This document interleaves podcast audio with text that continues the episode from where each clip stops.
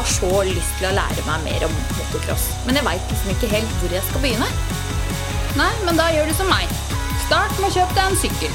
Ok, så enkelt. Nesten. Men det er jo det vi skal finne ut av her på MX-poden. Ja, jeg regner jo ikke med at vi skal bli verdensmester på én dag. Det er vel mye som skal på plass først. Helt riktig. Alt fra bensindunk til lisens. Trengs det kanskje litt guts også, eller? Det har du og jeg nok av. Ok, da kjører vi, da. Her kommer MX-podden.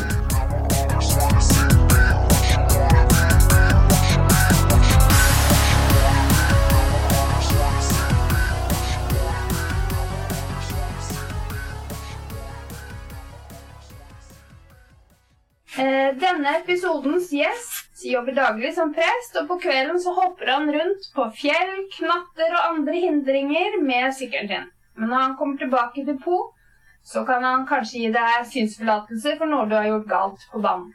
Han må være verdens kuleste prest. Det er det ingen tvil om. Bygget opp flere klubber gjennom årene. Kursa utallige mennesker som sikkerhetsleder og aktivitetsleder gjennom NMF. Han er en aktiv trailfører, så med glimt i øyet, en stor dose, humor, satte vi oss i bilen med snuta mot Birkeland for å snakke med en som kan masse om hvordan man starter med motocross, gjeldende forskrifter og regler. Velkommen til Frode Eikrem. Tusen takk. Tusen takk. Veldig hyggelig. Frode, kan du fortelle oss litt om deg sjøl? Oi. Ja, skal vi se. Jeg kommer jo fra Averøy på Nordmøre. Der var jeg med å starte klubb. Trailklubb. Eh, Så flytta jeg til Sørlandet rundt år 2000, og her har jeg bodd siden og starta to trailklubber. Og så har jeg blitt engasjert i NMF som kursholder. Det har jeg holdt på med i 15-16 års tid. Og reist litt rundt og møtt klubber og vært på mye anlegg og sett og hørt. Og så, ja Jobber som prest. Eh, gjør det. Eh, og kombinasjonen eh, kirketing og motorsport jeg synes det er litt sånn morsomt, for det er jo litt uvanlig. Jeg får jo høre dette hele tida. Å ja, å ja. Du er han presten som holder på med de motorsyklene. Så jeg syns det er veldig hyggelig. Det er Eh, veldig, veldig hyggelig å holde på med motorsport. Og så må jeg jo si jeg har alltid vært interessert i biler og motorsykler. Ja. Og mine foreldre sa at når jeg var fire år, så kunne jeg liksom navnet på alle motorsyklene og biltypene som, som begynte å og kjørte. Ja. Så dette med motor begynte tidlig. Mm. Og så har jeg putta det inn uh, der som det er på fritid og litt i jobb. Og... Mm. Så motor er interessant. Motor er interessant. Kan jeg få lov å spørre deg en ting i forhold til yrket du har, og det at du sier at du driver med motocross? Eh, vil du si at det kanskje gjør det litt lettere for deg å på en måte egentlig nå til ungdom eh, det at du er litt kul og driver med noe som er litt uvanlig for en prest? Eller? Ja, jeg merker jo det mer og mer. Eh, hvis Hva vi skal, fordeler? altså Helt fra jeg var 14 år og begynte med motorsport, Ja. Så merker jeg at det å holde på med motorsport da ble jeg definert som liksom kulere enn vanlig. Ja. Og det hadde jeg behov for, for jeg var ganske beskjeden. Ja. Som 14-åring var jeg litt sånn forsiktig. Mm. Men når jeg da fikk meg motorsykkel, så bare sånn ah, Litt mer av de kule gutta. Ja. Og så har jeg egentlig bare det fortsatt. Ja. Og jeg møter jo en haug med ungdom, konfirmanter og andre, ungdomsklubb. Eh, Så det motorsport har gjort at det er lettere å få kontakt med folk Mm. og ungdom. Ja. Så motorsport, det har mye bra som følger med, da. Ja. For min del. For jeg er jo Jeg jobber jo med folk, og er sosial. Ja, Så motorsport vil da et pluss. Stort pluss. Ja, det gjør jo det. Folk blir nysgjerrige. Ja. ja. Ja, for det er jo to store motpoler i utgangspunktet. Kan du kanskje Ja. si? Ja, fordi motorsport er jo mye galskap eh, og tar sjanser. Ja. Sant? og det å holde på med sånne kirketing, det skal jo være litt sånn seriøst, solid. Ja. Og det er jo litt trist innimellom. Og begravelser og eh, Ja. Så det er jo kontraster i livet. Ja. Ja. Galskap og seriøsitet. Sånn hånd i hånd. Em, hvilke mål har du hatt, eller har hatt på veien til dit du er i dag? I forhold til eh, motorsport? Mm. Hvilke mål har jeg hatt? Eller har du? Ja, jeg har jo alltid hatt som mål å ha det sosialt og ha det gøy. Jeg tror det har vært mitt hoved. Jeg har kommet i kontakt med veldig mye folk Mm. motorsporten. Mm. Så jeg har ikke hatt så veldig mye sånn personlige ambisjoner om å nå langt. Min ambisjon er å ha det gøy og komme i kontakt med nye folk. Og det er jo det Motorsportforbundet har nå som, eh, som hovedvisjon. Altså motorsportglede til folket. Ja. Jeg kjenner meg veldig igjen i det. Altså det med glede. Motorsportglede. Mm. Altså at vi skal ut til folket. Ja. Altså få med flere, da. Ja. Mm. Rekruttering. Ja, så det har alltid vært min spesialitet. Altså få folk inn. Ja. Aktivitetsdager for ungdom og konfirmanter og nybegynnerkurs og lisenskurs og lære folk opp. Mm. Det har jeg gjort veldig mye. Og så det å holde kurs, da, blir jo en bit av det. Mm. Sette voksne, altså foreldre, sette de i stand til å være med og ta ansvar i sin klubb. Mm. Engasjere. Så for min del har målet vært å engasjere folk. Ja. Og få min motorsportglede liksom ut. Dele den, da. Ja. Dele motorsportgleden. Mm. Det har vært mine ambisjoner. Um, tema for episoden i dag, Frode, Frode, det er jo rett og slett oppstart uh, av motocross og lisens. Eh, hvis vi skulle late som at jeg kommer inn på kontoret her og Mm. overhodet ikke veit hvor jeg skal begynne, Mm. um, og sier til deg at du, jeg har lyst til å prøve motocross, Ja, hva starter man med da? ja, det spørsmålet har jeg fått fra veldig mange familier. Hvordan kommer vi i gang? Ja. Eh, Punkt én. Gå inn på minidrett.no Mm. og lag en bruker. Ja, Da kommer du inn i databasen til Idretts-Norge. Mm. Du må ha en bruker der for å kunne kjøpe lisens.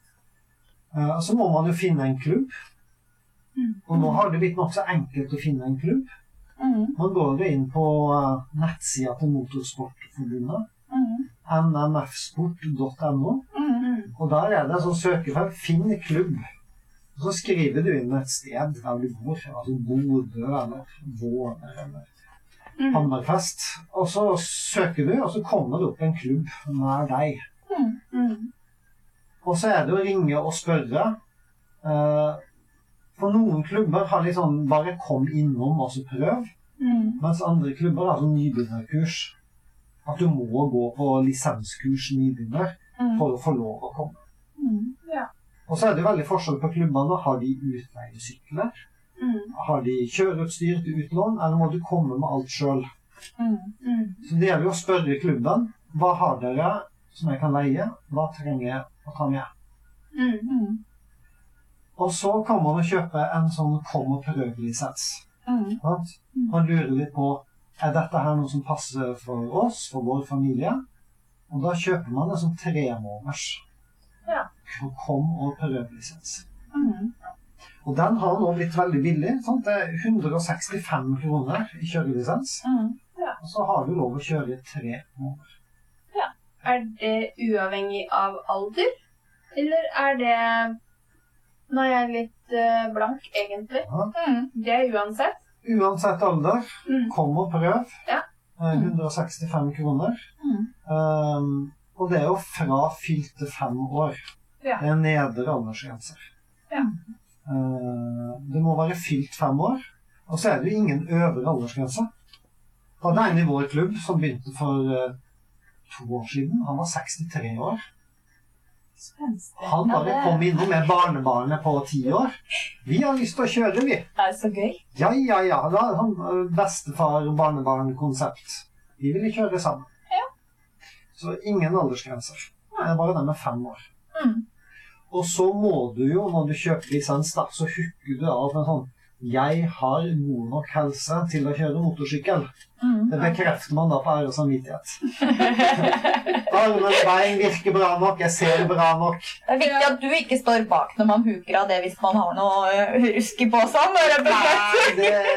hvis man mangler en arm og sånn, da ser man det. Så det er ikke så enkelt. Hvis beinet henger, så ja. Ja. Helse må være sånn grei nok. Ja. Ja. Passe på det. Ja. Uh, det er lav terskel, uh, og det skal være enkelt å komme på jobb. Mm. Det skal det. Og veldig mange klubber har utleie.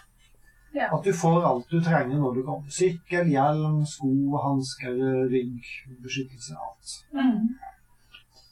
Hvis det er sånn at man eh, kommer til det at man har eh, prøvd seg fram med kom og prøv-lisensen, Mm. og da var jo den gyldig i tre måneder, Mm. eh, og finner ut at det her er dritkult, hva gjør man videre på veien da?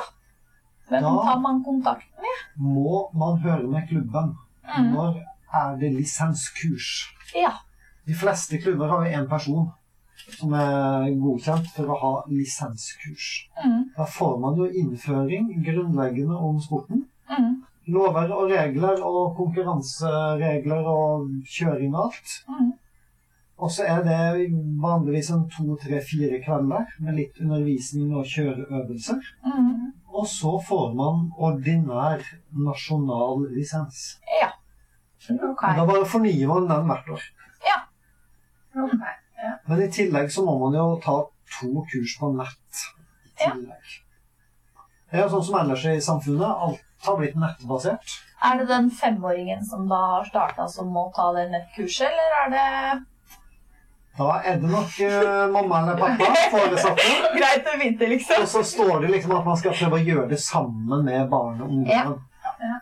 Men det året man fyller 13 år, så må man ta de, de nettkursene sjøl. Mm. Da må man ha egen bruker på min idrett Okay. og ta kursene på nytt eventuelt. Ja. For å få lisens når man er 13. Det året man fyller 13, så er man definert som ungdom Mm. i motorsporten, og da må man ta disse nettkursene sjøl. Når 5 til 12 år så er det foreldrene som må inn og ta to nettkurs. Mm. Det er jo grunnkurs, lisens, som er for hele motorsport. Eh, alle grener. Ja. Og så er det ett spes spesifikt for motocross. Mm. Da leser man, svarer på spørsmål, og så får man en sånn kursbevis okay. på nett. Ja. Så for å ha ordinær lisens, da Lisenskurs på bane Mm. og to nettkurs. Ja. Og da, når det er gjort, så fornyer man bare den lisensen hvert år. Ok. Mm. Det hørtes jo veldig enkelt og greit ut. Så når liksom alt av lisenser og medlem, medlemskap med klubb er på plass, Mm. eh, hva trenger man eh, videre for å starte da? Man trenger jo en motorsykkel. Mm. Det må man jo ha. Mm. Og der går det an å få tak i brukte. Mm.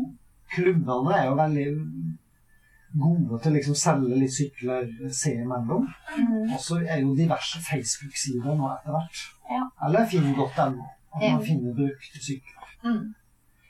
Er man blank på det med motorsykkel, så er det jo viktig å spørre folk i klubben. Mm. Man få hjelp til å kjøpe en ordentlig motorsykkel. Mm. Uh, og så må man jo ikke kjøpe for stor motorsykkel. Sant? Det er jo det med aldersgrenser og høyde og hestekrefter og sånn. Mm. Eh, det skal man få forklaring på når man går på lisenskurs. Ok. Ja. For det er jo litt å passe på der. Eh, på motocross så er det jo, når man er fem år, så er det jo syv hestekrefter. Og maks 63 cm høy sag. Ja. Da er det ganske lite og forsiktig. Mm. Eh, automatgir syns jeg er veldig fint i starten. Mm. Eh, det blir fort kjedelig, syns noen. Ja. Barn er altså så forskjellige. Ja. Så man må liksom tenke litt hvor tøft er mitt barn. Skal vi begynne med kløtsj og gir med det samme? Mm. Eller skal vi gå på automat? Mm. Og så har det jo kommet flere og flere elektriske. Det er veldig forsiktig. ja. Jeg må jo helt ærlig si at de, de er jo veldig kule, og det fungerer jo veldig bra. Men Ja. jeg, jeg syns sjarmen forsvant, det, da. Når den, av lyden ble borte. Det er en gøy med lyd. Ja. Smelle og riste og Ja. Høre at det gir litt gass, og så skal du liksom si at nå må du gi, du kan gi litt mer gass i den svingen eller opp den bakken. Ja, Når det er elsykkelen, så er det vanskelig å liksom høre. tøffere enn en ordentlig motor. Er det? Men noen barn er redde for lyd. Ja. Noen er redde. Der har jeg jo sett mye rart. Jeg, jeg har jo holdt på med nybegynnere siden eh, Hva må jeg tenke her 1989. Har jeg holdt, siden 1989 har jeg holdt på å lære opp nybegynnere. Såpass, ja. Det begynner å bli en noen stund. år. Det er Ja, noen år, det. jeg nærmer meg 50 år sånn etter hvert. Så det er jo sånn, ja. Men 1989 og fram til nå så har jeg jo sett en god del barn som er redde. Og veldig mange av de redde barna har ivrige foreldre. Ja. Ofte en pappa som har kjørt sjøl. Nå skal min sønn kjøre motorsykkel. Det har jeg funnet ut av. Ja. Og så kommer de og er nokså redde. Mm. Da er det veldig viktig å starte veldig forsiktig, og ofte da med elektrisk. Uten den skumle lyden. Ja, Så man må se an barnet sitt. selvfølgelig. Mens andre barn er overmodige. Sånn at ingenting er farlig, alt er gøy. Ja. Og så ja da, jeg kan kjøre, og så kan vi egentlig ikke noe clutch og begrensninger. Nei, det er jo veldig, veldig forskjellig fra, fra hver, hvert eneste barn. Jeg har tvillinger, og jeg ser jo Ja. på de to at uh, der er det kjempestor forskjell. Ja, litt i alder. I, de er like i alder, men det er gutt og jente, da. Jo, jo. Mens gutten han var livredd for lyden da han var liten. Så min ja. mann, som da ikke er hans far, Ja, eh, han eh, bestemte seg jo ganske fort at han skulle drive med motocross. Så han har vel noe av den du prata om. Men eh, han løste det på en veldig grei måte, så han bare begynte å vende til gressklipperen. Ja! Og det var helt genialt. Da bare var ikke den høye lyden så skummel lenger. Jeg har en morsom historie der. Akkurat, jeg husker veldig godt en far og en sønn. Jeg tror sønnen må ha vært 13 år. Jeg var sånn litt gammelt. gammel til å være første gang eh, i motorsportbanen, egentlig. Ja. Men pappaen hadde bestemt at vi skal kjøre. Vi skal kjøre. Mm. Han var veldig redd. Og vi sa ok, vi triller ned denne bakken med motorsykkelen. Du bare står på sykkelen, Mm. og så triller vi. Jeg syntes det var skummelt. Så de to første treningene han kom, så trilla han bare ned. Jeg og han pappaen vi skubba opp den motorsykkelen opp en bakke, og trilte han ned. Og det var mer enn nok, det. Ja. Sånn motorsykkel er skummelt uten lyden, men de kom faktisk ikke tilbake. Nei. Det ble de to treningene. Mm. Ja. Så de husker jeg veldig godt. En, veld, en overivrig pappa og en veldig redd sønn. Ja. Ja. Så hvem er det som har kommet på at vi skal kjøre motocross? Det må man tenke litt over. ja. Og har du et litt forsiktig barn, bind forsiktig. Mm. Med automatgir og spør om å få lov å kjøre alene på banen, sånn at det ikke er for mange andre. ja. Mm. Kanskje få begynne på startsletta istedenfor rett i en uh, bane som kanskje Ja. har raske svinger og litt sånne ting. Mm. Men nå, nå er jo jeg helt ny. Men når jeg hørte om at det, det var noen som trilla ned bakken, så tenker jo jeg Uff a meg inn. For at det, altså en, en del av eh, det jeg ble litt aha-opplevelse, er jo den balansebiten. Og det er jo veldig mye vanskeligere å kjøre motocross når du kjører veldig, veldig, veldig sakte, Ja, ja. enn når du faktisk har litt fart. Det er veldig lurt å øve balanse. Mm. Og det kan man gjøre hjemme i garasjen òg, på Ja. trøsykkel. Ikke sant? Nå er jo jeg mest inne i trailmiljøet, og der øver vi balanse hele tida. Mm. Og det blir jo sagt at de som da først har kjørt trail og går over på motocross, Mm. de kjører veldig bra motocross fordi de har så god balanse. Ja. Ha balansepunkt inn og ut av sving, kunne altså holde, lande greit. Mm. Du, du tør å ha høyere fart fordi du har bedre balanse. Mm. Så er man nybegynner, veldig lurt å øve balanse. Ja, Ikke sant? Eventuelt reise seg på sykkelen, stå og prøve å balansere litt, kjøre sakte. Mm. Øve hjemme opp og ha god balanse. Det er jo veldig bra triks, da. Ja. ja. men sånn som forskriften sier jo én ting, Frode. Mm. Eh, men hva er det som kan være fornuftig i tillegg? Forhold til f.eks. kjøreutstyr, da. Ja. Kjøreutstyr Det begynner å bli mer og mer vanlig med den nakkekragen, nakkestøtte. Mm. Eh, Nå så jeg jo til og med de har fått inn på Biltema. Altså Man kan Mm. kjøpe en enkel sånn nakkestøtte Mm. for ekstra sikkerhet. Mm. Eh, Men ellers så er det jo å kjøpe kjøreutstyr som passer. Altså Mm. sitte sitter godt.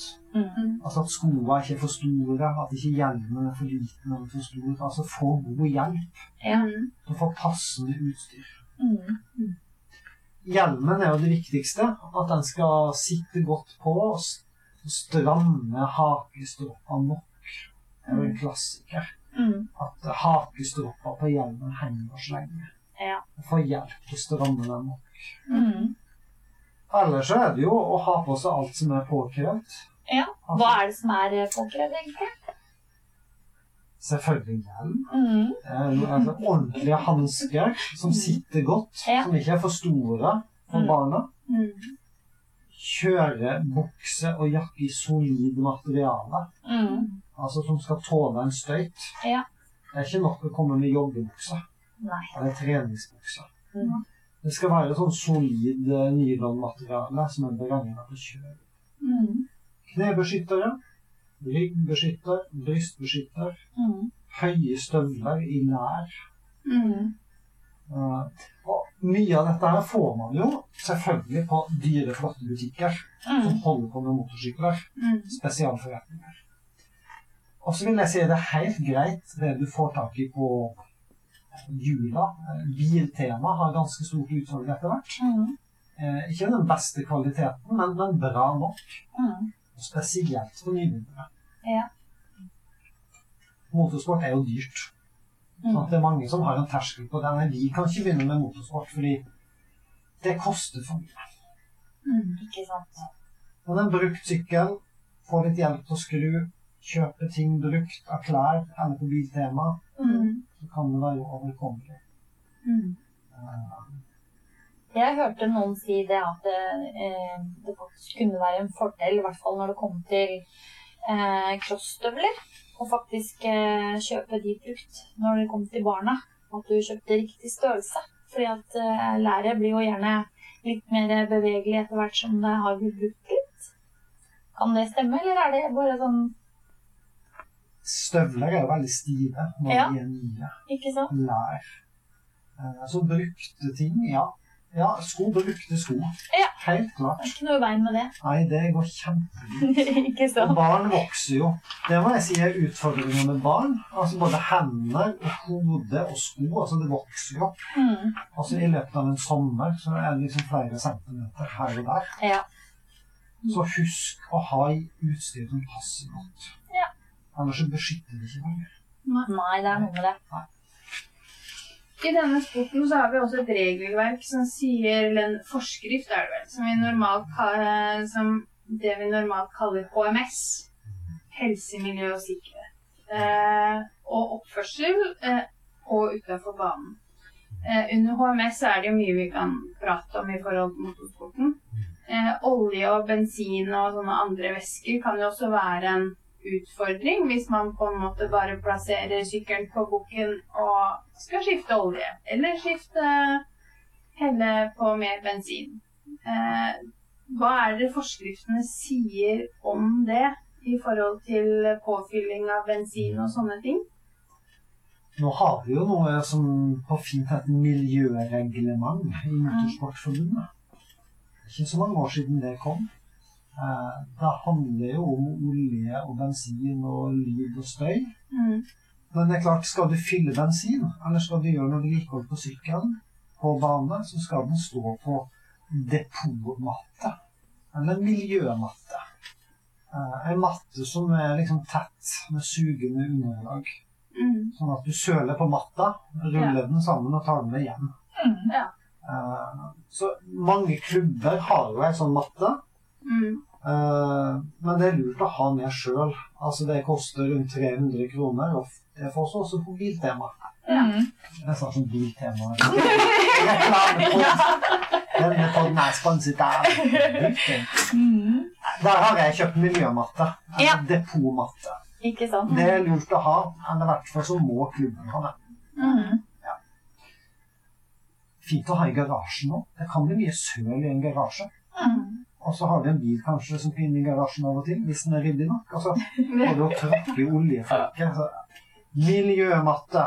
Ja. Fint Ja, å ha hjemme. og har funnet mer bruk for de miljømattene jeg, i forhold til når man har litt mindre førere som skal stå og skifte, og spesielt disse covid-tider hvor du ikke kan gå inn i et klubbbuss eller Ja. eh, ikke enda har en stor eh, buss å skifte i. Mm. Og da er den miljømatta veldig grei å bare slenge ut, så kan de stå på den, så slipper de å få masse grus og sånn på sokkene sine. Hvis miljømatta ikke er helt full av olje, da, selvfølgelig. Det var, det var smart. Stå der og skift. Ja, ja. Miljømatte er fint å ha. Ja. Du nevnte litt med lyd og støy. Mm. Eh, Er det noe i forhold til det i forskriften? Eh, For det første, når det gjelder barn, da, så skal man jo ikke trimme syklene. Og det er jo fem til tolv år, som man jo definert som barn. Mm. Det betyr at man ikke skal bytte ut lydpotter til noe uoriginalt og forskjellig. Mm. Eh, Så støydemperen skal jo virke. Mm. Og så er det jo desibelgrenser.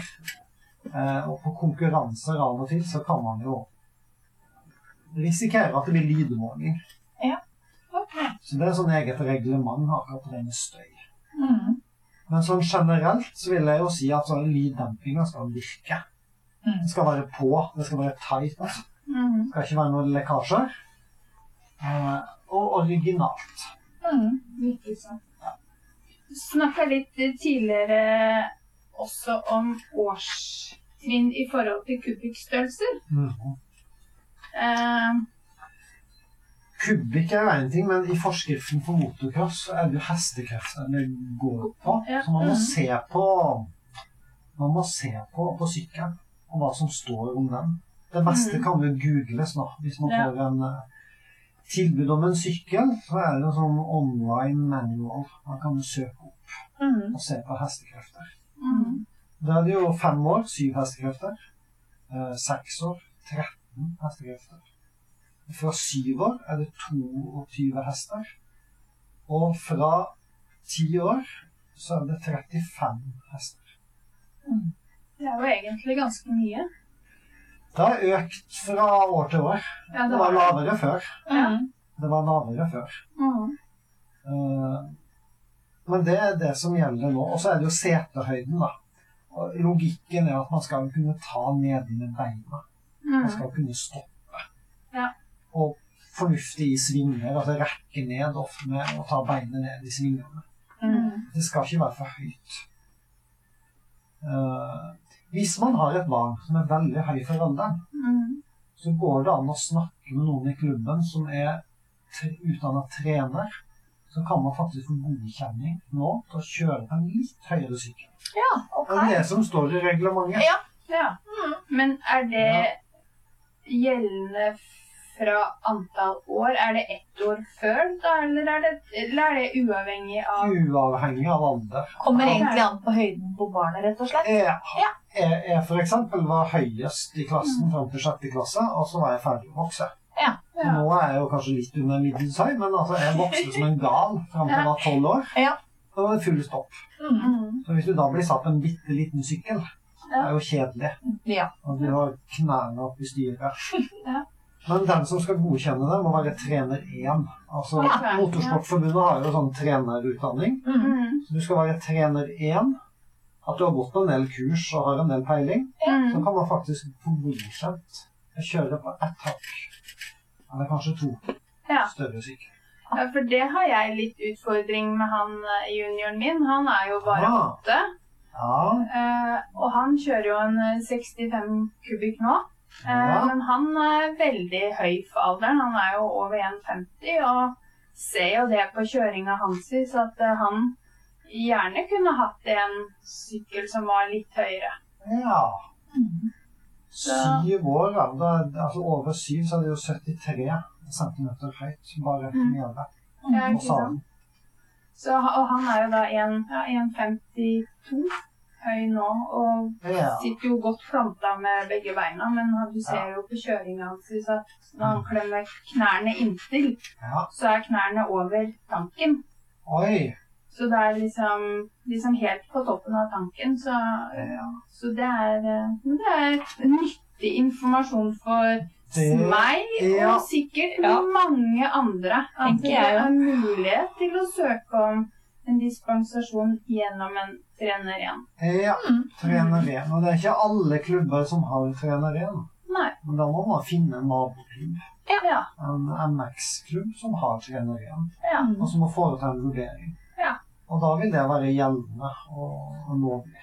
Ok. Mm. Ja, nei, det var veldig nyttig kunnskap og informasjon for min del, i Jo. hvert fall. Og så er det disse støtdemperne, da. Sånn, bakdamperen kan jo justeres.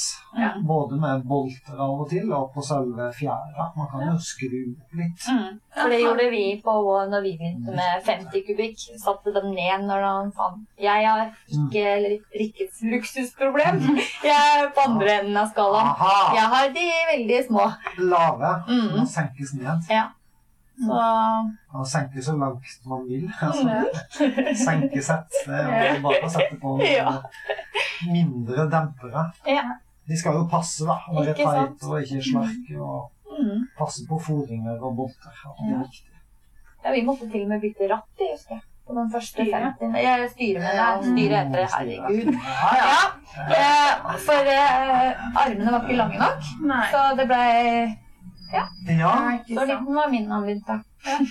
Og styrende er det jo også noen regler på. Altså maksimumsbredde og minimumsbredde. Mm. Det går stort sett bra. Mm. Der har jeg ikke eh, centimeteren i hodet her, men det er klart det meste er søkbart. Ja. Ja. Så Altså, veit vel gjerne kanskje dem som du har kjøpt sykkelen av, hvis du kjøper den Ja. originalt, eh, hva som er forskriftene. Ja. Mm. Mm. Eller på altså, nmfsport.no Mm. kan du søke opp det meste som gjelder. Ja. Og det er klart spesialreglement for motocross, som Mm. er på rundt 150 sider. Ja. Den er lang. eh, Det er en bok, Ja. egentlig. Motocross-boka. Det er en egen bibel, ja. Eller bibel, kan vi kalle det. Motocross-bibelen. Den Ja. norske motocross-bibelen. Ja. Den er på 150 sider Det er mange kapitler og inneholder alt. Ja. Mm. Regler for kjøreutstyr, konkurranseregler, setehøyder, alt mulig. Mm. Så har man tid til å finne fram den, så kan man søke opp alt. Mm. Så er man veldig nysgjerrig, bli kjent på nettsida. Bra tips. Mm. Veldig Bra skal vi tips. skrive opp. Mm. Ja. Men eh, Frode, Mm. sikkerhet kan jo være så mangt. Eh, Men jeg tenkte kanskje vi kunne snakke litt om flaggregler og ansvar i forhold til sikkerhetsleder og aktivitetsleder. Kan du kanskje begynne litt å fortelle om de forskjellige flaggreglene? Flagg. Jeg må jo bare si hovedutfordringen når det gjelder flagg, Mhm. er å ha noe, få tak i folk som vil stå med flaggene. Ja. Og der kan jo alle bidra. Mm. Jeg har hørt fra veldig mange klubber at ja, nei, det er jo ikke alltid vi har fått opp noen flagg. Eller vi har bare én flaggpost, eller mm. kanskje to. Eh, så foreldre bør melde seg som flaggvakter. At det blir en god kultur på det. Ja. Men eh, for det er ikke noe i forskriftene som tilsier at så lenge du har et barn på banen, at du må stå flaggvakt? Nei, klubben kan kanskje ha bestemt det. Mm. For eksempel at skal du ha barn som kjører her, så må du være med Ja. på, på dugnadsjobbinga og ta flaggvakter og stå der og der. Mhm. Og noen klubber har jo sånn at minimum én eller to eller tre hvis det skal være kjøring. Ja.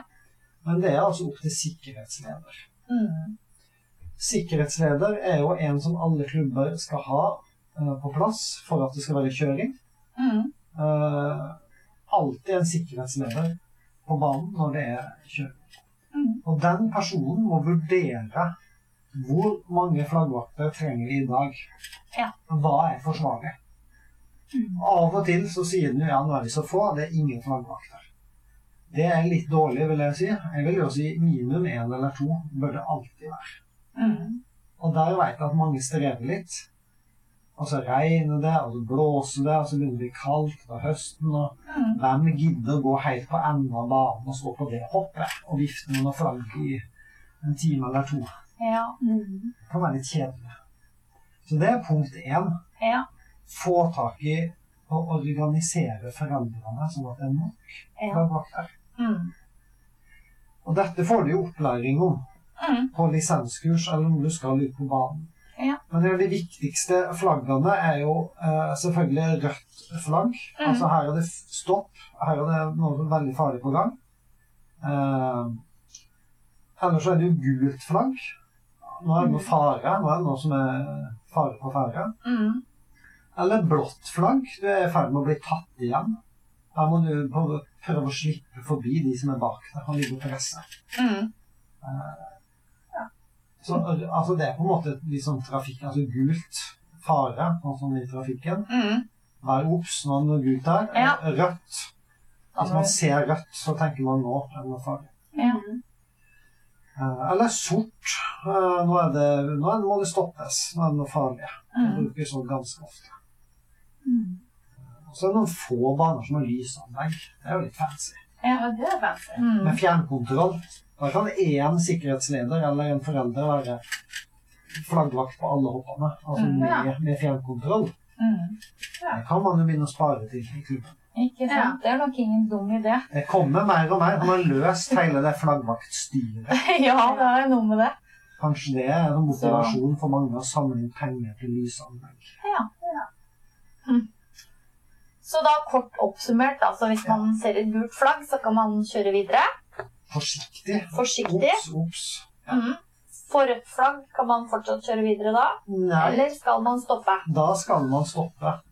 Da er det veldig fare på ferde. Mm. Da er det Når det viftes, så skal det stoppes. Mm. Og det svarte flagget, er det bare å kjøre av banen da, eller? Svart flagg, da er det noe feil som du har gjort, stort sett. Okay. Din sykkel har en feil, eller hjelmen er ikke festa. Ja. Okay. Det er jo litt fra klubb til klubb hvor mange flagg man syns er viktig å bruke. Ja. Altså, man kommer langt med rødt. Ja. Mm. Rødt flagg kommer man langt med. Gult og rødt. Mm. På konkurranser så er det noe helt annet. Da må man virkelig følge med. Mhm. Sort flagg med ditt startnummer på, så er det jo du det er noe rart med. Ja. Da skal man jo stoppe. ja. Eh, det er viktig å følge med på flaggene. Ja Men det viktigste er jo å ha noen som har flagg. Ja. Og som er synlig. Ikke sant. Og som står på de største hoppene, der det oftest er noen fall. Mm.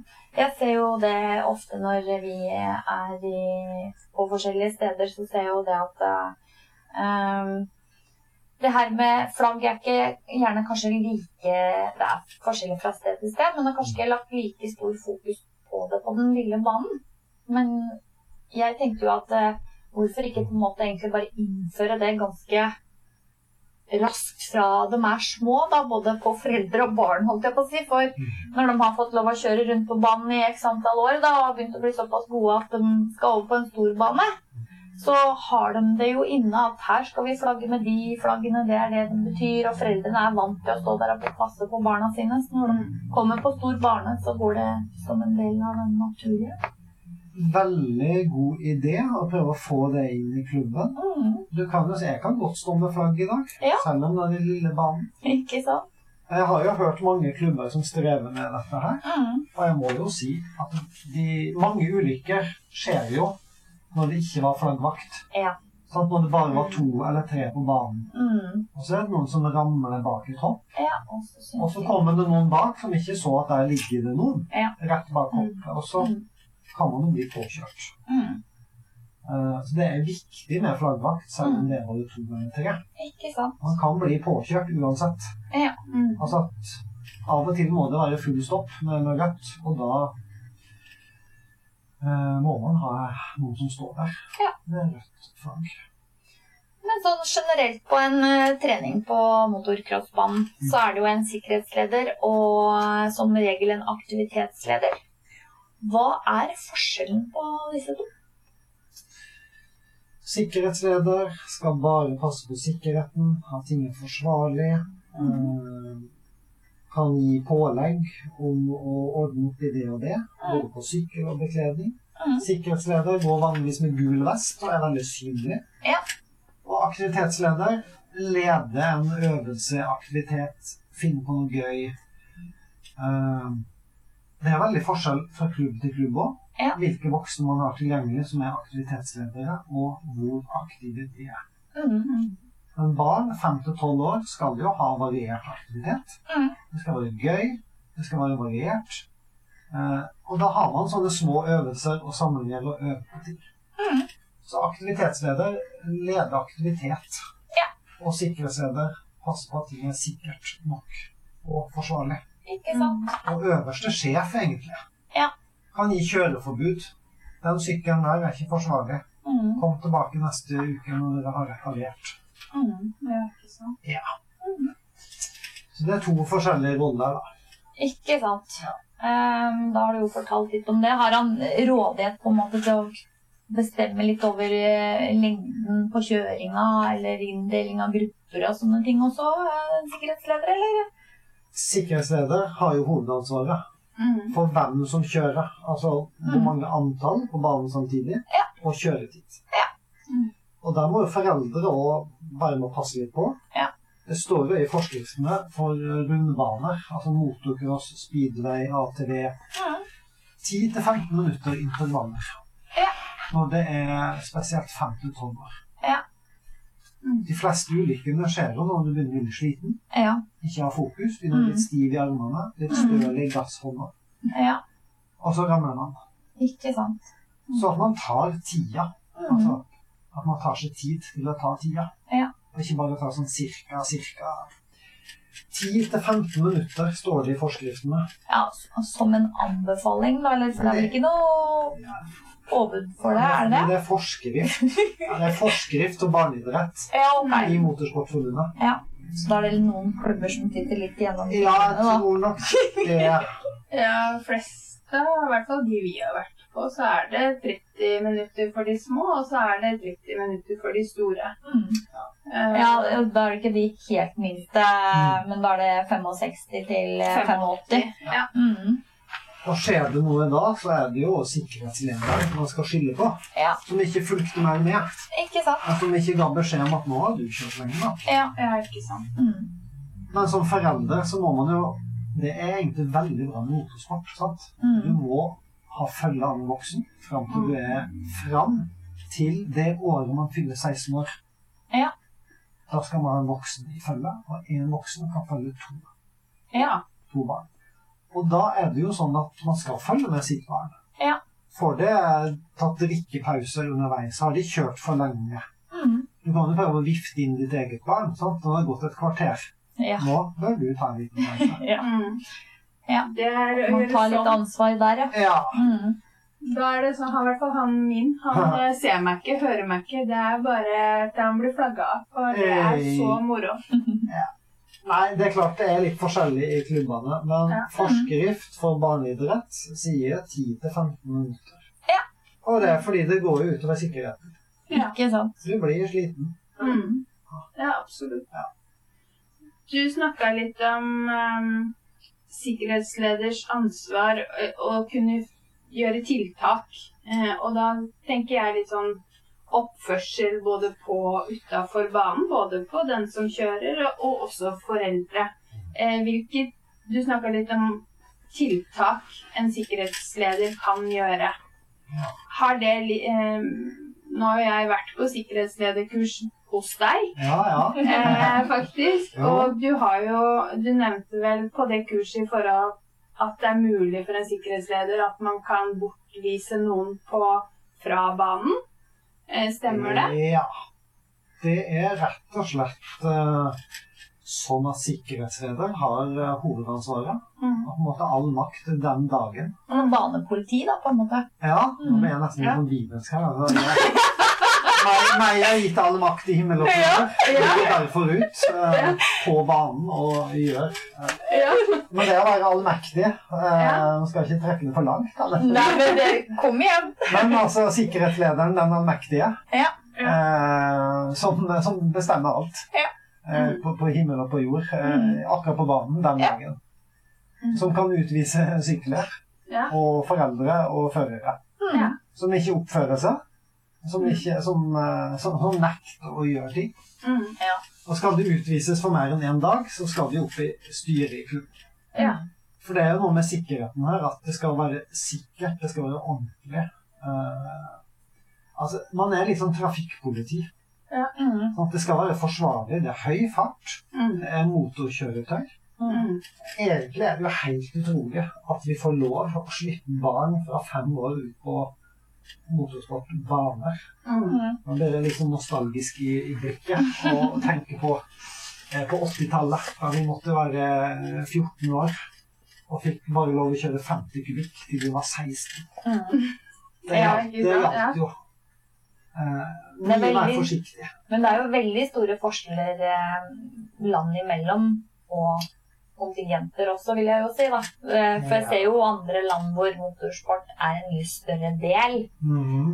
Eh, dessverre. Og jeg håper jo at den dagen kommer at motorsport blir like stort, om ikke større enn fotball. Ja, ja.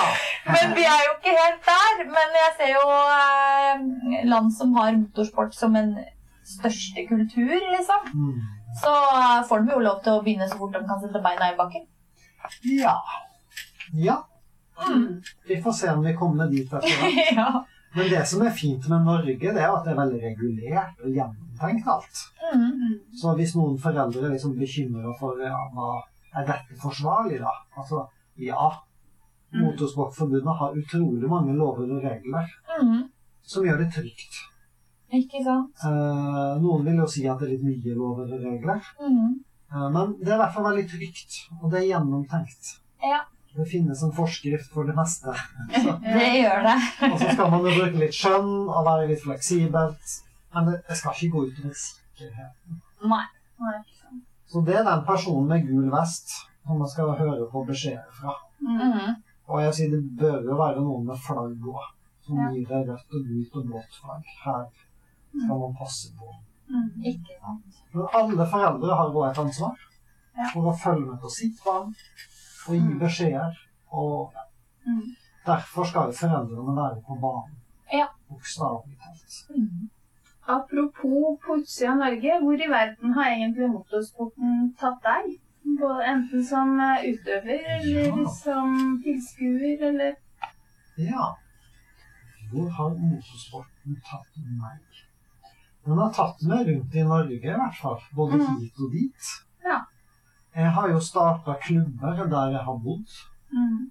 Uh, og så har det brakt meg litt rundt forbi i ganske mange forskjellige kommuner og holdt kurs. Mm. Og møtt motorsportfolk uh, i byer og bygder og fjorder. Og det er veldig interessant å reise rundt og møte motorinteresserte folk. Mm. Jeg syns det beriker livet mitt veldig. Mm. Fordi de som er engasjert i motorsportsklubber, er veldig bra. Det er altså så gøy. Du merker at de koser seg. Så at motor er gøy. Det er veldig sånn engasjerte folk. Eh, Jeg kom på et spørsmål jeg hadde lyst til å spørre deg om når du forteller at du reiser mye rundt. For jeg har det jo i bakhodet. Vi sitter jo og prater med en prest. Ja, ja. Eh, har du noen gang via noen på motocrossball? Nei. Ikke foreløpig. Nei. Jeg har altså hatt gudstjenester et par ganger på motorsportbane. Mm. Og kom- og kommet kjørende inn og par parkert. det er ikke dum, dem heller. Ja, det Altså. var morsomt, det. Ja. Uh, jeg har hatt gudstjenester på bane, Mm. men ikke bryllup. Ikke bryllup. Men det er jo det er opp til presten nå rundt forbi å godkjenne vigselssted. Ikke Det skal være verdig og ordentlig og ikke kommersielt. Så, Ja. det, så hvis noen får lyst til å gifte seg på en motorsportbane, Så skulle de egentlig burde ta kontakt med deg, det er lov å spørre meg. Eller den lokale presten som, Ja. som avgjør det. Ja, ikke sant? Uh, ja, så det går, da. Ja. Jeg hadde jo veldig lyst til å kjøre crosser til uh, alteret når eh, jeg gifta meg med min mann. Oi. Men vi måtte dra til Las Vegas for å være så gærne. Å ja, Mm. ok. Så jeg kjørte et Elvis-bryllup istedenfor. Det ble uh, Las Vegas. Mm. Så gøy, da. Ja, nei, det. Ellers er det jo mye sånn motorsykkelbegravelser. Ja, Der har jeg vært med på et par. ok. Så det er mer vanlig, faktisk. Det er mer vanlig at Mhm. motorsyklene liner seg opp, at man kjører i kolonne. Litt altså. sånn på respekt eh, med et klubbmedlem, på en måte. Da. Ja. Eller, ja. Ja. Mm. Men det er klart så lurer jeg jo fort inn i mange som har gifta seg med motorfolk, Mhm. motorinteresserte. Mm. Både motocross og trail og bilcross og rally. Mm. Og så lager jeg noen sånne morsomme poeng ut av det. Ikke sant? Nå skal dere rulle sammen og på livets landvei og Ja, husk på vedlikeholdet. Ja. Ikke la det skurre og gå med ulyder og Ja. eh, rådebank eller hva annet som kan komme på. Det er viktig med vedlikehold. Ja. Ja. Og, ja. Nei, så det er klart, jeg lurer inn motorsport her og der i livet. Ja. Og så må jeg jo si til, til alle som hører på, at vi- som er motorsportfolk, vi blir ofte definert som litt sånn joviale og koselige og nede på jorda. Ja. Og det er vi vel. Ja. Det kan vi liksom Ja, ja, det må jeg jo si meg enig i. Ja. Vi er ikke så Og det merker jo jeg, for at mange er jo litt spent. Nå skal de møte presten. Sant? Mm. Enten er det noe veldig hyggelig på gang, eller noe veldig trist. Mm. Ja. Og så er man liksom spent på at så kommer presten på besøk. Mm. Ja. Da er det mange som er litt stressa. Mm. Så jeg får høre et par ganger at ja, vi har googla deg før du kom. sånn, så vi må innrømme at vi googlet det. Ja. Hvis du googler mitt navn, så kommer det veldig fort opp med motorsykler. Ja. Sånn på treffene, både bilder og tekst. Mm. Og så sier jeg, ja, og så tenkte jeg at da er du vel en, en ålreit fyr. en ålreit prest, sant? Ja. Ja. Han holder på med motorsykler. Ja. Jeg syns jo det er veldig hyggelig, da. Ja. Jeg prøver jo å være ordentlig og hyggelig, men vi blir definert som sånn joviale, koselige folk. Ja. Vi som er motorinteresserte. Mm. Ikke sant. uh, og det opplever jeg jo når jeg reiser rundt og holder kurs òg. At det er folk som er sånn nede på jorda. Ja. Direkte og ikke for høytidelige. De sier det sånn som det er. Mm. Da har du sikkert en morsom historie å komme med, da, eller? Ja Ja. Jeg, sk jeg skulle besøke noen, og så kjørte jeg motorsykkel. En sånn en shopper. Jeg vil bo på. Og så, skal jeg ringe på. Og så ser jeg bare kjøkkenvinduet. Ei gammel dame som titter fram bak gardina, og så rister på hodet. Og så tar hendene foran Så Nei, nei, gå vekk. Så de, de så en fyr med motorsykkel og utstyr, Ja. og så torde de ikke å slippe meg inn. Nei. Så det, da, jeg kom tilbake dagen etterpå med bil. Ja. Så det, det kan være litt skummelt òg. Men har du Sånne gitt motorsykkelfolk. Ja, det, det men Slapp ikke inn. Nei, du slapp ikke inn i det hele tatt. dame og skummel prest. Ja, Sa du ifra dagen etter? at det var deg? Jeg tror faktisk jeg lata som ingenting. Jeg lata som Det blir litt flaut at jeg skremte henne på en måte. da. Ja. Det var en avtale som kunne utsettes. Ikke sant. Det var sånn. ja. Komme tilbake litt. Ja, ikke sant. Og på slutten nå så vil jo jeg gjerne bare takke deg for at eh, du ville møte meg og Rikke. Eh, for gir av tiden din og all den nyttige informasjonen du har gitt oss. Eh, og alle de som hører på, selvfølgelig. Og med det så vil jo vi gi deg den her crosstrøya. Veldig hyggelig. Tusen takk for det. Jo, det er vi som skal si tusen takk, Frode.